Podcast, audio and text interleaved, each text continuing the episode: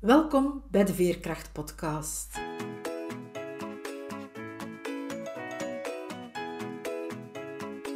Ik ben Veerle Schaltien, levensverhalen en schrijfcoach. Met mijn bedrijf Wiebelwoorden trek ik voluit de kaart van veerkracht. Voor deze podcastreeks interview ik veerkrachtige vrouwen. Het zijn vrouwen zoals jij en ik, die soms wel eens het hoofd laten hangen, maar die er vooral telkens opnieuw in slagen weer overeind te krabbelen, die telkens opnieuw de moed hebben om door te gaan, die ondanks alles ten volle in het leven staan en elke dag waardevol weten te maken. Hoe ze dat doen, vertellen ze je heel openhartig. Luister, snoep van hun woorden en laat je inspireren door hun verhalen, want als zij het kunnen, kan jij het ook. Dag Katrien, welkom. Dag Veerle, dank u. Ik ben blij van jou na een lange tijd toch wel terug te zien, want je hebt bij mij eerst een basiscursus gevolgd, daarna het jaartraject gedaan. Nu, dat jaartraject, dat is eigenlijk een meerjaarstraject geworden, dankzij de hele situatie, omdat we niet altijd mochten samenkomen. En onze allerlaatste sessie hebben wij ondertussen nog altijd te goed, hè? Mhm. Maar ja, ondertussen is er bij jou wel al van alles gebeurd, want tijdens dat jaartraject heb jij je levensverhaal geschreven. Daar gaan we het straks verder nog over hebben. Maar wil jij je eens voorstellen? Ja, ik heb er lang over nagedacht over die vraag. Wil je jezelf eens voorstellen? Omdat als iemand dat vraagt, zo het eerste dat in mij opkomt, altijd mijn job is. En ik wil eigenlijk niet dat dat eerste is dat in mij opkomt. Dus ik heb een, uh, een ander antwoord gevonden. Ik ben mama van uh, drie kindjes. Lotte, Sander en Margot. Lotte is de oudste, die is heel creatief, veel zorgzaam, kan heel goed dingen organiseren. Sander is mijn jongetje, die is heel uh, gevoelig, heel lief, heel slim. En Margot is mijn kleine springend veld, heel sportief, heel energiek, altijd bezig. En ik heb twee rode draden gevonden in hoe ik mezelf wil voorstellen. Een eerste is een rode draad taal. Uh, ik ben altijd heel graag met taal bezig geweest, al van kleins af aan. Altijd heel graag gelezen. Ik heb ook talen gestudeerd aan de universiteit. Uh, en dan nu zo met schrijven komt dat eigenlijk ook wel heel mooi terug. Die liefde voor, voor taal, voor vreemde talen ook, om met taal bezig te zijn. En een tweede rode draad, en dat is ook wel iets waar ik echt wel ontdekt of herontdekt heb door het jaartraject bij jou te volgen, is hoe creativiteit een belangrijke rol speelt uh, voor mij. Ik heb als kind heel veel, ja, zo, al is maar met, met mijn nichtjes, zo toneeltjes gemaakt die we dan opvoerden. Ik heb ook altijd gedanst. Alle soorten dans heb ik al wel ooit een keer een cursus uh, voor gevolgd. Maar fotografie, vormgeving, zijn eigenlijk allemaal dingen waar ik mij heel graag mee bezig hou. Die ik ook zie dat ik ook echt wel van, van mijn mama zelf uh, heb meegekregen. En dan nu het schrijven past eigenlijk ook wel in die rode draad. Creativiteit, het schrijven, het herschrijven, het, er iets van maken, uh, dat creëren, dat is voor mij eigenlijk ook wel iets waar ik heel veel voldoening uit haal. En mezelf ook echt wel in vind. Je haalt daar voldoening uit draagt zo dat creëren en hercreëren, want je zegt ook het, het, herschrijven, daar haal ik voldoening uit en dat hoor ik altijd heel graag zeggen, omdat vaak cursisten zoiets hebben, oh, dat herschrijven liever niet. Draagt dat ook bij aan jouw veerkracht? Ja, absoluut. Ja, omdat het, het ja, zo in die eerste fase van dat schrijven zit heel hard in die in die emotie van dat moment waarover dat je schrijft. En er zitten in dat verhaal dat ik geschreven heb best wel heftige stukken. En daar dan iets van maken, iets mee creëren, dat is echt wel iets waardoor dat je... Het, het helpt voor mij om het enerzijds heel dichtbij te houden en te zeggen, dat is voor mij belangrijk, want ik ben er hiermee bezig, ik ben er hier iets van aan het maken. En anderzijds helpt het om daar een bepaalde afstand tegenover te creëren. En dat is voor mij ook waar dat in mijn hele rouwproces het over gaat. Het is enerzijds het heel dichtbij houden en het heel hard voelen. En anderzijds proberen toch ook vooruit te gaan en niet te veel stil te staan. En toch ja, dus het, het dubbele van het achteruitkijken en het vooruitgaan, dat is voor mij de, de hele zoektocht in het, uh, in het rouwen. En dat vind ik heel hard in het schrijven en het herschrijven. Dus schrijven en herschrijven helpt jou om te rouwen. De luisteraars zullen zich nu wel afvragen, wat is er in Katrien leven gebeurd, waardoor dat die rouw aan bod komt. Als je wil, mag je daar ook iets over vertellen. Ik was heel klein al toen ik met ziekte geconfronteerd werd. Ik was een kleutertje toen mijn mama ziek werd. Nu, zij is een enorm krachtige vrouw en heeft nog heel, heel lang ja, echt als een moeder voor ons gezorgd. Dus nooit, die ziekte is eigenlijk op geen enkel moment ja, helemaal op de voorgrond gekomen, hoe ziek zij ook was. En ik heb mijn mama verloren toen mijn oudste dochter net geboren was. Daar heeft mijn mama ook echt op gewacht. Op die, ja, die geboorte van, van, uh, van mijn oudste dochter, van Lotte. En mijn uh, zoontje, Sander, die is gestorven aan een hersentumor. Dus die heeft op uh, een jaar of acht de diagnose van een hersentumor gekregen. Dat is een enorm agressieve hersentumor. was ook onmiddellijk duidelijk dat daar eigenlijk geen, geen genezing mogelijk was. En veertien maanden na de diagnose is hij ook gestorven. Dus dat zijn zo de twee grote rouwprocessen, denk ik, in, uh, in mijn leven. In je verhaal beschrijf je ja, die beide processen, vooral het proces van Sander, van zijn ziek zijn en van zijn sterven en hoe jullie daar dan als gezin mee omgaan, komt daar heel erg in naar voren in het verhaal dat je geschreven hebt. Ik heb, terwijl dat jij in mijn traject zat, ook me afgevraagd van, hoe ga je daarmee om? Je krijgt die diagnose ja, van je moeder, zal je dat niet bewust beleefd hebben, die diagnose. Je, je moeder was ziek en zij probeerde, ze probeerde niet, ze zorgde echt nog voor jullie en je ondergaat dat denk ik als kind. Maar als moeder krijg je zo echt te horen op een bepaald moment van, ja, je zoon is ziek en het is niet goed. Hoe ga je daarmee om? Ja, ik denk dat de, de, de grote kracht van ons als gezin was dat we eigenlijk redelijk snel kan misschien vreemd klinken, maar redelijk snel aanvaard hebben wat de dokters ons vertelden. Ik denk dat wij redelijk snel zijn meegegaan in wat ze ons zeiden, dat er medisch eigenlijk geen, geen oplossingen waren.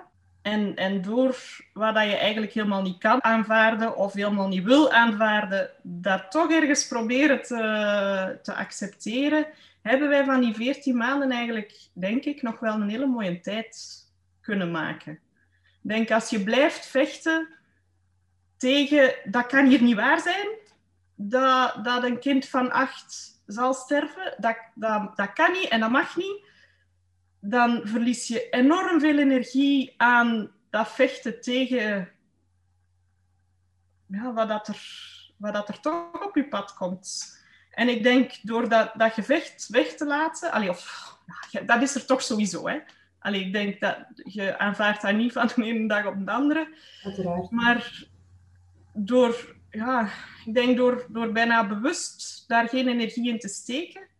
En dat is niet evident, want ook de, de, de mensen rond u merkten ook dat dat niet altijd aanvaarden. Die zeggen dan, ja, maar er is daar nog een dokter, of ik heb gehoord van, en ik ken iemand met dezelfde tumor, en die...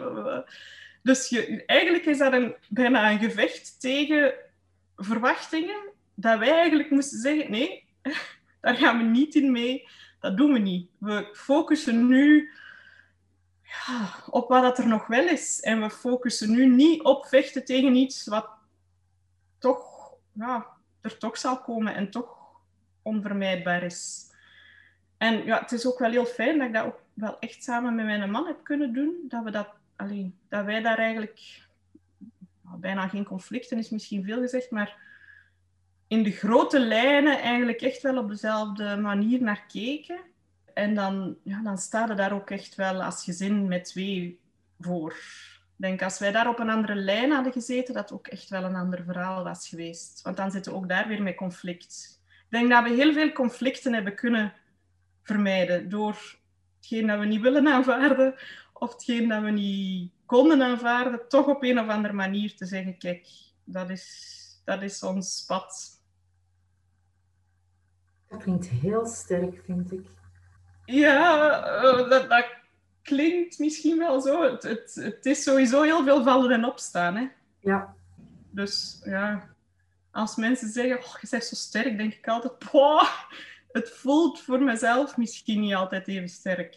Het, het, het is ook veel in bed liggen en huilen. En het is veel samen met mijn man, ook samen met vrienden, met goede vrienden ook wel daarover, het daarover kunnen hebben. Dus het is vooral heel veel vallen en opstaan, maar altijd wel opstaan. Ja, ja ik wil dan eigenlijk mijn uitspraak misschien veranderen in die van het klinkt sterk. Ja, het, het klinkt voor mij nog altijd sterk, maar misschien is het niet sterk, maar net veerkrachtig.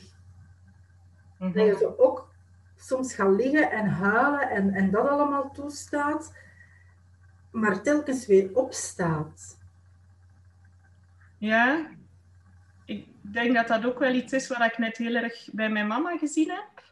Die eigenlijk ja, met ons bleef dansen en met ons bleef praten en met ons, ja, ik, ik, je hebt daar op een gegeven moment als feedback gegeven hè, bij teksten van hoe kwam dat dat je hier doorgeraakte?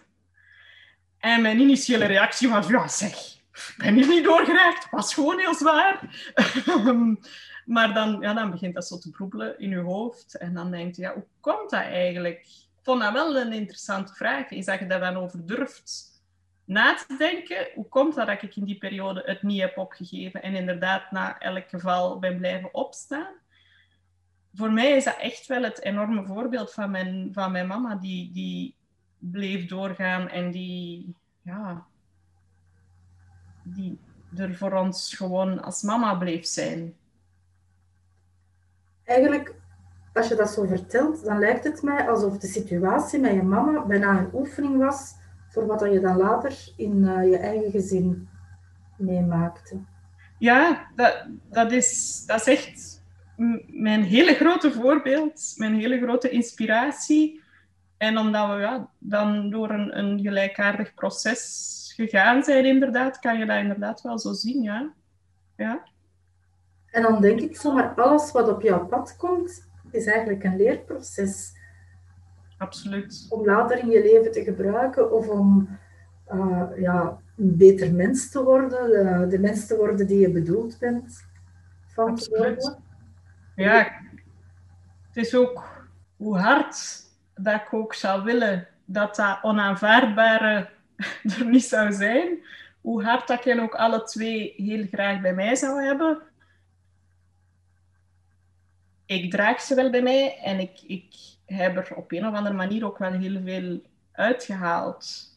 Ik vind dat altijd een moeilijke om dat uit te spreken, omdat ik ten eerste denk dat mensen die nog in die hele rauwe rouw zitten, denken: ik haal hier nooit iets uit. Zo in die periode dat zo heel je denken u overspoelt, dat, je, dat alles zwart is, dat je enkel nog maar in je bed wil blijven liggen in die periode moet echt niemand u zeggen, ik heb daar veel uitgehaald. In die periode moet iemand naast u komen liggen en gewoon bij u zijn. Maar ik, ja, ik kan maar voor mezelf spreken en zeggen, ja, ik heb daar wel dingen, dingen uitgehaald. Al is het maar als ik zie dat er mensen het lastig hebben, weten hoe dat ik, of denk ik, beter weten hoe dat ik met hen ja, een stuk mee op weg kan gaan dus ja, dat zijn toch wel dingen die dat ik heel belangrijk vind en nog altijd belangrijker vind worden. Ja, en zeker in onze samenleving, want wij zijn zo gewoon van die dingen allemaal weg te drukken. Maar de mensen die erin zitten, de mensen die een verlies te verwerken hebben, komen daardoor ook een stuk alleen te staan. Want zelfs wel wat je daarnet vertelde toen je te horen kreeg van dat Sander ziek was en dat er geen oplossing voor hem was. Dat de mensen zeggen, ja, maar kijk eens hier en ik heb dit gehoord en ik heb dat gehoord. Dus iedereen duwt die dood maar weg, terwijl dood deel uitmaakt van het leven. En bij de ene persoon sneller dan bij de andere. En natuurlijk willen we dat niet. En zelfs als ik dat nu vertel tegen jou, ik voel dat ook in mijn buik. Want ik, ik voel een stukje van de pijn, denk ik, die jij moet hebben doorstaan Omdat we willen dan niet dat mensen die we graag zien, en zeker niet kinderen, dat die doodgaan. Maar het hoort wel bij het leven. Ja, absoluut. Absoluut. En dat is ook iets, ja, de, de, ik denk dat we inderdaad als maatschappij nog heel moeilijk, het heel moeilijk hebben met dat te accepteren. Dat die, dat die dood en dat afscheid, dat dat een deel is van het hier zijn. En dat we dat inderdaad heel vaak heel diep wegstoppen. Ja. En ik denk, ik hoop dat dan het, het boek dat ik gemaakt heb, daar ook ergens wel een, een opening toe, toe naar geeft. Naar, kijk, het is er. Al is het maar heel persoonlijk. Dit is mijn verdriet en ik neem dat altijd mee en negeert dat niet. En dat is voor heel veel mensen nog altijd heel moeilijk. Ik heb dat ook nu, in, in ja, de periode dat we achter de rug hebben en die feitelijk nog bezig is met die ziekte, ik spreek de naam niet graag uit, heb ik dat ook weer gezien. Van, wij willen niet aanvaarden dat leven dodelijk is, dus we gaan dan maar niet leven, in kokonnetjes blijven en geen mensen ontmoeten, want we zouden wel eens ziek kunnen worden en sterven. Dat is nu wel allee, heel zwart-wit gezegd wat er gebeurd is. Er is natuurlijk meer, allee, het, is, het is een mhm. breder concept dan dat. Maar als je wat er gebeurd is tot in de kern terugtrekt, dan komt het toch wel bijna daarop neer van hier is nu een ziekte waar je kan aan doodgaan, maar wij willen niet doodgaan, wij leven en wij, wij willen blijven leven en zelfs zo erg dat we dan maar een periode niet gaan leven om te kunnen overleven. Mhm. En ja, jij hebt, want je vertelde het al met mijn boek, hè, jouw boek. Je hebt dan bij mij in het traject een verhaal geschreven, het verhaal van Sander, van zijn ziek zijn ook van, van zijn sterven. Hoe dat jullie er daarna mee omgegaan zijn. En daar is die dood, ja, die, die wordt daar aanvaard, hoe moeilijk dat het ook is. En als je daarnet zegt van, ik heb daar wel iets uit geleerd, en ik vind dat moeilijk om dat te zeggen, want inderdaad, mensen die in die diepe rouw zitten, in die eerste fase, die willen dat niet horen, die kunnen dat niet horen, die zijn er misschien ook niet aan toe van dat te horen. Maar dan denk ik toch wel van op een bepaald moment zal het ook en een lichtpuntje geven en laten zien van kijk, er is misschien toch nog een leven na hetgene dat ik meegemaakt heb. Ik kan hier wel beter van worden. Mhm. Dus ik vind het heel moedig dat je het wel vertelt, dat je ten eerste al jouw verhaal geschreven hebt in ons traject, maar ook dat dat nu een boek wordt waardoor je heel veel mensen gaat kunnen inspireren. Ja, dat is ook wel heel erg spannend. Omdat natuurlijk heel erg mijn hart erin zit en het heel erg persoonlijk is. Maar ja, er heeft ooit iemand tegen mij gezegd, ja, je maakt het mensen ook wel niet gemakkelijk om over Sander te beginnen. En om daar open met jou over te praten, omdat je zelf eigenlijk heel introvert bent en er weinig over begint. Dus dit is een goedmaking daarvan, van mijn uh, introverte kantje. ik zet het nu in de wereld. En ik merk het ook wel, nu al, net alleen nog voor het boek er is, als ik er tegen mensen over praat, dat het, dat het wel het gesprek kan op gang brengen. Dat mensen er dan toch iets over durven zeggen. Het is ook heel vaak dat mensen tegen mij zeggen, ja, ik zeg nooit iets daarover, want ja, ik denk dan, ja, ze gaat dat dan... Ja. Terwijl ik het gevoel heb, ik denk toch elke dag heel vaak aan Sander. Of dat jij daar nu over begint of niet, dat gaat het verschil echt niet maken. Integendeel, door, het, door, het, door hem te herinneren en door dingen over hem te vertellen, of over anekdotes over hem te vertellen, of door te vertellen dat je er zelf nog aan denkt, maakt mijn verdriet net lichter, denk ik. Omdat we dan samen kunnen denken hoe een geweldige jongen het was en hoe, hoe, hoe een geweldige man het had kunnen worden. Dat, ja, het is ook... het is niet enkel mijn verdriet, het is ook de, de, de kansen die hij niet gekregen heeft. Dat is... Ja. Ah, negen jaar. Dat, dat is nog zoveel dat hij had kunnen doen. En het was ook zo'n geweldige jongen. Dus het, het, ja, dat gemis voor hem ook, niet alleen voor ons, die achterblijven. Ja, dat, samen kunnen, samen kunnen dragen is eigenlijk mooier dan dat negeren. Daar ben ik heel erg van overtuigd. En jouw verhaal kan misschien niet alleen mensen die zelf een, een verlies meegemaakt hebben inspireren, maar ook andere mensen.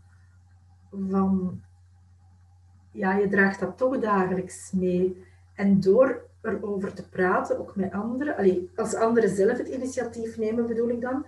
Want jij zegt net van, ik ben introvert, dus ik praat er niet zo vaak over. En misschien zal iemand die extravert is dat sneller doen. Maar zelfs dan nog, denk ik, in onze samenleving waarin die dood zo ver mogelijk weggeduwd wordt, is het voor niemand, denk ik, gemakkelijk om daarover te beginnen. En dan is het goed dat er zo'n boeken komen, zoals jouw boek, dat mensen zoiets hebben van, hey, wij kunnen daar wel over praten. Het, is, het doet deugd aan de persoon die het meegemaakt heeft, van daar wel over mhm. te praten. Ja, daar ben ik wel van overtuigd. Iemand vroeg mij dat onlangs. Die zei van, denk je dat er, dat er andere mensen zijn die iets gelijkaardigs hebben meegemaakt, die het misschien wel fijn vinden als niemand er iets over zegt? En ik dacht daarover na en ik denk, ik kan me dat eigenlijk niet voorstellen. Dat er mensen zijn die zo'n verdriet hebben meegemaakt en die eigenlijk liever zouden hebben dat daar niet over gesproken wordt. Ik geloof dat niet. Ik denk echt dat iedereen die zoiets meemaakt, daar sowieso mee bezig is en dat, dat die, die, die verbinding die je krijgt door daarover te spreken, ja, dat dat eigenlijk is wat we, ja, wat we daar ook, nee, dat is ook het enige dat we nog kunnen doen, hè? Die, die verbinding dan, dan vinden. Hij gaat niet terugkomen, hè. Maar ja, als hij herinnerd wordt en wij vinden daar hier nu verbinding en warmte door, dat is wel heel schoon dat hij dat kan doen. Ik ben nog even aan het nadenken over wat dat je zelf zegt. Zo van, zouden er mensen zijn die daar niet willen over spreken? Of die daar geen nood aan hebben en dat dat niet fijn zouden vinden? Misschien zijn er mensen die het zelf nog aan het wegduwen zijn, die een muur om zich getrokken hebben. Maar zelfs dan geloof ik er heel erg in om verder te gaan met hun leven, dat het goed is dat iemand probeert die muur stukje bij beetje af te breken en opening maakt, zodat ze er wel kunnen over spreken. En ik, geloof ook dat ze daar dan beter van worden. Denk ik ook, ja. En dat dat hen net veerkrachtiger maakt. Mm Ik wil dus niet meer zeggen dat je sterk bent. ik wil wel zeggen dat je veerkrachtig bent. Want je bent voor mij echt een, een, voorbeeld in veerkracht. Ik heb het proces van het schrijven van jouw verhaal mogen meemaken. En daardoor ook dicht gestaan bij wat dat jullie als gezin hebben meegemaakt. Wat ik echt een voorrecht vind. Ik ben daar dankbaar voor dat je het mogen doen. Maar ik vraag me dan af, het schrijven op zich heeft dat ook bijgedragen aan jouw veerkracht. Dus ik ben ervan overtuigd dat jij voordien al heel veerkrachtig was. Maar heeft dat schrijven die veerkracht net nog iets meer gepusht? Ja, ik denk dat we het daar zelfs over gehad hebben in het voorgesprek van het jaartraject. Ik denk dat ik toen zoiets gezegd heb als ik, ik wil dingen helderder krijgen. Verschrikkelijk woord. Ehm, maar dat zegt wel helemaal wat het schrijven, wat ik hoopte dat het schrijven ging doen en wat het ook wel gedaan heeft. Je, ja, het is bijna een, een inzicht door het te schrijven, een inzicht in waar dat we zijn doorgegaan. Het, het, ik denk dat ik ook misschien bijna naar mezelf begon te kijken als eigenlijk hebben we, toch wel, eigenlijk hebben we dat toch wel goed gedaan. Zo, er komt zoveel op u af in zo'n periode en je moet zoveel beslissingen maken en je moet zoveel mee in, in medische dingen en in... Oh, je kunt op dat moment geen afstand nemen, want je, je, dat overspoelt u als een tsunami en je, je moet daarin mee. En je hebt geen tijd om te zeggen, wat gebeurt er hier? Wat, wat komt er hier op mij af? En dat, door het te schrijven, creëerde wel van, welke, ja, hoe heb ik dat gedaan? Waar, hoe ben ik daarmee omgegaan? Waar heb ik, welke beslissingen hebben we genomen? En, en dat is ook wel goed, dat je dat dan helderder krijgt, denk ik, door, door te zien. Ja, ik weet ook nog, als ik teksten die ik voor het jaartraject geschreven had, had ik, als ik durfde daar nog een zin van over te houden, dat je die direct aanduidde en zei, dit is, dit is het niet, schrappen. Dus alleen daarin voel ik wel dat ik, dat ik daar een groei heb, heb doorgemaakt. Dat ik, ehm, ja, denk ik, bijna niet meer mezelf ook moest verantwoorden voor een aantal keuzes die we in heel dat proces gemaakt hebben, of door dingen die we gedaan hebben of beslist hebben. Ik weet eigenlijk, ook door het schrijven, dat we altijd samen zoveel mogelijk geprobeerd hebben ons kinderen op te vangen, ons kinderen dat warm nest te geven, in welke omstandigheden dan ook. En natuurlijk hebben we fouten gemaakt. Oh ja, stel je voor dat je geen fouten had mogen maken in zo'n complex proces. Ook dat, allee, het aanvaarden dat je fouten hebt gemaakt en dat dat op dat moment was wat we konden doen. Ik denk dat dat al dingen zijn die het schrijven mij hebben bijgebracht, ja. En ik denk dat dat een belangrijk aspect van, van de veerkracht is. Dingen inzichtelijk maken door er... Ik ben ook wel een vrij cognitief mens, dus ik, ik heb ook wel graag zo dat analytische... Of die analytische blik daarop. En dat... Ja, het, is heel, het schrijven is iets, voor mij iets heel dubbel. Het is zowel echt wel die emotie daarin krijgen, maar ook wel de analyse van wat heb ik toen gedaan en waarom en hoe voelde ik mij toen. En ja, terug naar die momenten gaan waarop dat in het tsunami zo over je heen komt. Ja, hebben mij daar wel bij geholpen, ja, absoluut. Je trekt die tsunami terug naar je toe hè, tijdens het schrijven. Het komt even terug dichterbij.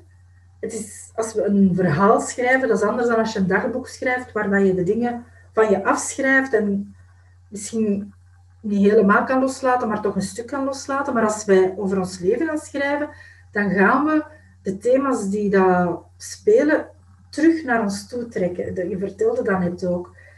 Hoe ben je daar dan eigenlijk mee omgegaan? Ja, ik denk dat ik dat eigenlijk bijna opzocht om dingen helderder te krijgen. Om te weten wat voelde ik toen, wat gebeurde er toen, hoe zijn we ermee omgegaan, wat is er daar precies gebeurd. Toen mij denken aan, ik weet niet of je dat boek kent, Hamlet. De ouders van Hamlet zijn Shakespeare en zijn vrouw, maar Shakespeare wordt in het boek nooit genoemd, die een zoontje Hamlet verloren hebben. En eigenlijk was dat zijn inspiratiebron om Hamlet, wat in die tijd inwisselbare namen waren, om Hamlet te schrijven. En het gaat dus ja, echt over die rouw van een moeder die haar kind verliest. En iemand zei mij, maar Katrien, dat is echt geen boek voor jou om te lezen. En ik denk, het is net wel een boek voor mij om te lezen. Het is net zoeken naar hoe andere mensen daarmee omgaan, naar ook daar verbinding met andere mensen die dat verdriet kennen en voelen. En dus het is een beetje hetzelfde als wat ik daarnet probeerde te zeggen ik ben er toch mee bezig. Het zit toch in alles wat ik doe. En zonder dat dat heel zwaar moet zijn. Hè? Dat is soms ook heel, heel vrolijk als we naar de frituur gaan en kalt kan Sander, omdat hij dat net zo graag at. Dus dat hoeft niet altijd zwaar of verdrietig of heel donker te zijn. Maar het zit er wel in alles wat ik doe, zit het er wel in. Dus een boek lezen met dezelfde ervaring gaat dat niet zwaarder maken of moeilijker maken. Het is toch al wat het is. En ik denk dat dat met schrijven ook zo zo'n beetje dat gevoel is. Bijna die verbinding in plaats van met iemand die het schrijft over, die verbinding met mezelf toen terug opzoeken. Ja, vind ik heel mooi dat je dat, dat je dat zegt. Want ik krijg dikwijls zo van mensen die op voorhand erover denken van hun verhaal te schrijven. Zo van, ja, maar dan trek ik dat naar mij toe en dat wordt zo heftig. Maar het gaat eigenlijk om die verbinding hè, met wat toen gebeurd is en tegelijkertijd er een helderheid in zien. Ik noem het vaak alles op een rijtje zetten, waardoor dat je dan weer met een afstand kan gaan kijken. En ja, ik heb dat zelf al mogen ervaren, in andere situaties uiteraard, dat dat veerkrachtig maakt. Maar ik vind het dan fijn om dat ook bij jou te horen zeggen van, ja, we trekken dat wel naar ons toe, of ik heb dat naar me toe getrokken, maar eigenlijk creëerde het dat verbinding. Mhm. Het schrijftraject dat ging in een kleine groep door. We waren met acht deelnemers. Heb je daar ook verbinding kunnen ervaren met de andere deelnemers? Was dat een meerwaarde? Ja, absoluut. Absoluut. Ja. Ja, zeker omdat iedereen ook aan het schrijven is, denk ik. En iedereen eigenlijk die zoektocht, ja, de ene al wat meer dan de andere, mee doet, meevolgt, naast u stapt. En er zijn ook mensen met wie dat ik nog altijd contact heb en hou. En dat is ook ja, omdat je samen dat proces doorloopt en omdat je samen zoekt en worstelt. En ja, het is soms ook andere feedback dat je krijgt van medecursisten dan van een docent, dan van jou. Omdat jij er natuurlijk, dat is ook jouw rol als, als docent naar kijkt. Uh, of als coach, als je het zo wil noemen. Ik het liever coach.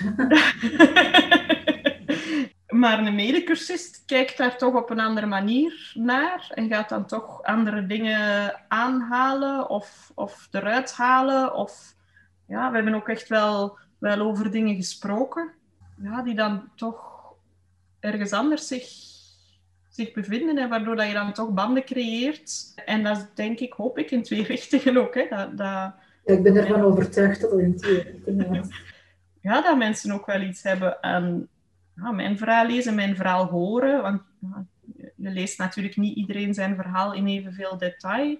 Maar ja, je weet wel met welke verhalen dat iedereen bezig is. En ook dat is misschien altijd hetzelfde waar ik op terugkom, maar ook dat is een stuk verbinding in welk proces ga je door? Hoe krijgen we allemaal die verbinding met onszelf in dat verhaal en die verbinding met elkaar, in elkaars verhalen? Dus ja, dat is zeker een meerwaarde, absoluut.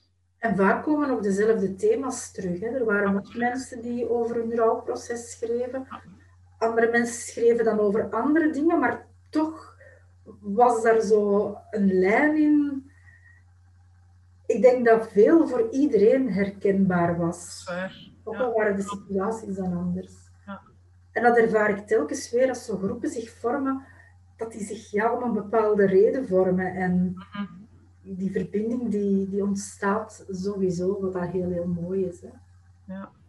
Nu, niet iedereen die meedoet aan een jaartraject gaat nadien ook een boek uitgeven. Maar Jij dus wel. Dat komt er al heel snel aan, dat boek. Daar mag je ook iets, meer over vertellen, van hoe dat gegaan is. Ik dacht, goh, eigenlijk ben ik er wel trots op. Eigenlijk vind ik wel dat het iets is dat ik ook wel wil delen. Er was ook een, een vriendin die tegen mij zei, ja, wat ga je daar nu mee doen? Als ik weet niet hoe. en ik dacht, goh, ik stuur het op naar een uitgeverij. Ik zie dan wel wat er van komt.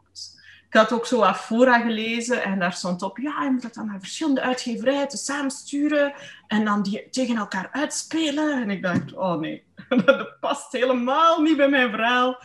Ik stuur het op naar een uitgeverij en ik zie wel. En ik dacht, ja, dat gaat dan drie maanden duren. Dat gaat dan op een slashpile terechtkomen van allemaal manuscripten, ongevraagde manuscripten. En ze gaan mij dan zo een beleefd mailtje sturen. Het is toch niks voor ons fonds. Maar ik kreeg eigenlijk heel snel, de weken nadat ik het had opgestuurd, een mailtje terug. Nog heel voorzichtig. Ik weet niet of we het kunnen gaan uitgeven. Maar ik ben erin aan het lezen en ben op bladzijde 10 en ik ben al aan het wenen. Dus dat, ja, dat was voor mij wel ja, een bevestiging van... Goh, het is niet enkel mensen die mij kennen die zeggen... Het is echt tof, het is echt goed. Maar het is ook wel iemand die mij totaal niet kent, die, het, uh, die er wel door geraakt wordt, die ook vindt dat het goed geschreven is. Dus er was voor mij al een hele... Ja, dat was voor mij al heel aangenaam, zonder dat ze zei, ik ga het uitgeven. Ehm, ja, en ik ben dan een keer bij de uitgeverij geweest. En dat was een heel aangenaam gesprek. En het is dan eigenlijk nogal snel een beetje in een stroomversnelling gekomen. Mijn nichtje heeft tekeningen gemaakt. Hele mooie tekeningen. Het is ook heel tof om dat met mijn nichtje te doen. Omdat zij Sander natuurlijk gekend heeft. En ja, ik zou aan een andere illustrator natuurlijk ook foto's hebben kunnen geven. Maar dat is toch niet hetzelfde als Emma, die Sander zijn nicht, die, die echt... Ah, ze heeft ook zoveel talent dat ze echt, als ik naar die tekeningen kijk, dat ik er echt Sander in zie. Ik weet helemaal niet hoe dat ze dat doet. Ik zou het absoluut niet kunnen. Dus ik heb er enorm veel bewondering voor hoe dat ze dat gedaan heeft. Dat daar zo helemaal in, in houding, in kleren, in, in manier van kijken. Het is echt helemaal Sander. Ja, dat zal wel zijn omdat ze hem echt gekend heeft. Ja. Sander zit in haar hart ook. Hè? Ja, absoluut, absoluut. En ze heeft dat zo goed gedaan. Sander zijn gedichtjes staan ook in het boek. Dus het is ook zo wel een, vind ik, een heel mooi geheel van het verhaal en hem haar tekeningen, Sander zijn gedichten. Ik denk dat zo als, als pakket ook wel, wel heel mooi kan zijn voor mensen die zoeken naar wat doe ik met zo'n verdriet. Betekent niet dat ik niet zoek, hè. Elke dag nog. Natuurlijk, natuurlijk. Maar het geeft een beeld van hoe er kan mee omgegaan worden. Hè. En iedereen zal dat toch nog een beetje anders doen. Maar iedereen zal wel geraakt worden door jouw verhaal. Als die uitgever dat al zegt, ja, ik had dat ook. Als ik uh, jouw tekst las, ja, ik weet nu natuurlijk niet hoe het boek er uiteindelijk gaat uitzien. Ik ben er heel benieuwd naar, maar ik heb dus heel veel... Ja, ik heb door de basisteksten gelezen en er feedback op gegeven. Maar die raakte mij ook. En soms heb ik ook zitten lachen, want er komen ook heel veel leuke anekdotes in. Ik heb Sander niet gekend, maar door jouw verhaal uh, te mogen lezen, heb ik wel het idee dat ik hem een stuk wel ken. En mhm. hij is zeker heel humoristisch. En dat komt ook in jouw verhaal heel mooi naar voren. Dus ik vind het, het raakt op verschillende vlakken. En dat vind ik zo mooi aan jouw verhaal. Dus het gaat zeker zijn voor mensen die zich in het verdriet herkennen, maar eigenlijk is het een universeel verhaal voor iedereen. En het heet Kraanvogelvlieg. Dat hebben we nog ja. gezegd. En dat is misschien voor de luisteraars wel interessant, als ze weten van over welk boek gaat het nu eigenlijk. Ja, Kraanvogelvlieg uh, is een verwijzing naar een uh, origami-kraanvogel dus zo de Japanse vouwkunst. En er is een verhaal, als je duizend kraanvogels vouwt, dat je dan een wens mag doen. In Japan doen heel veel koppels dat voor ze trouwen. Dat gaat terug naar een verhaal van een meisje die leukemie had na de uh, bom op Hiroshima. Die kraanvogels wou vouwen om dan een, uh, een wens te mogen doen. En dat is een verhaal dat Sander ook kende. En zo, de kraanvogel is een beetje het, het symbool geworden dat we ja, aan Sander zijn verhaal gekoppeld hebben.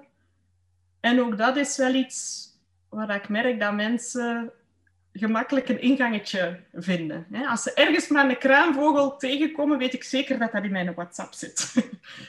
Als iemand van mijn vrienden ook maar ergens een kraanvogel ziet, heb ik het geweten. En ook dat is weer zo'n een, een manier om via dat symbool toch, toch weer zijn, ja, zijn bestaan te erkennen. Ja, dat symbool helpt daar toch ook heel erg, uh, heel erg bij. Als ik een kraanvogel zie, denk ik ook aan jou en aan Sam. Ja. dus ik kan het boek alleen maar, ook al heb ik het in zijn totaal, allee, zoals het er uiteindelijk gaat uitzien, nog niet gelezen, ik kan het toch al heel warm aanraden aan iedereen. En het, het verschijnt dus midden juni. We hebben nu een heel veerkrachtig verhaal gehoord. Ik denk dat iedereen het daarover eens zal zijn. Maar heb jij nog een tip naar de luisteraar om zelf veerkrachtiger in het leven te staan? Ik heb een tip die mijn mama mij ook altijd gaf en die ik zelf ook aan mijn kinderen doorgeef. En dat is als je een grote berg stenen moet verzetten, dan denk je, oh, dat gaat nooit lukken. Want dat is een grote berg en je ziet daar eigenlijk het overzicht niet over. En je denkt, ik kan hier niet aan beginnen. En dan zeg ik tegen mijn kinderen wat mijn mama tegen mij zei, begint met een eerste steen.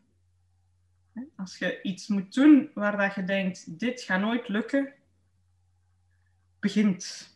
Begint met één klein ding en door dat te doen, ga je voelen dat die de volgende steen ook wel komt en misschien de volgende ook. En op een gegeven moment ga je zien dat in een berg stenen toch verzet is.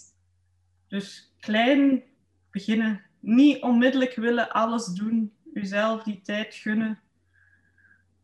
Dat denk ik is een tip. Een hele mooie en praktische tip. Want ook omdat je het weer zo met een metafoor vertelt, die bergstenen, iedereen ziet dat meteen voor zich. En inderdaad, daar een klein steentje afhalen en met dat steentje iets doen, is veel haalbaarder dan ineens die hele berg willen weg hebben. Het is ook wat dat jullie gedaan hebben hè, tijdens Sanders ziekteproces, maar zeker ook na zijn sterven. En dat komt in het boek ook mooi naar voren. Je gebruikt daar die metafoor niet, maar het, het komt er wel mooi in voor dat jullie kleine stukjes aanpakken en kleine dingetjes doen. Mhm. Wat dan eigenlijk leidt tot wie dat jij nu bent en tot wie dat jullie als gezin ook zijn. Mhm. Dank je wel voor deze tip, Katrien. Graag gedaan. En dank je wel ook voor het hele interview, de openhartigheid waarmee je het gedaan hebt en de vele inspiratie die je zeker meegegeven hebt aan de luisteraar. Dankjewel, Veerle.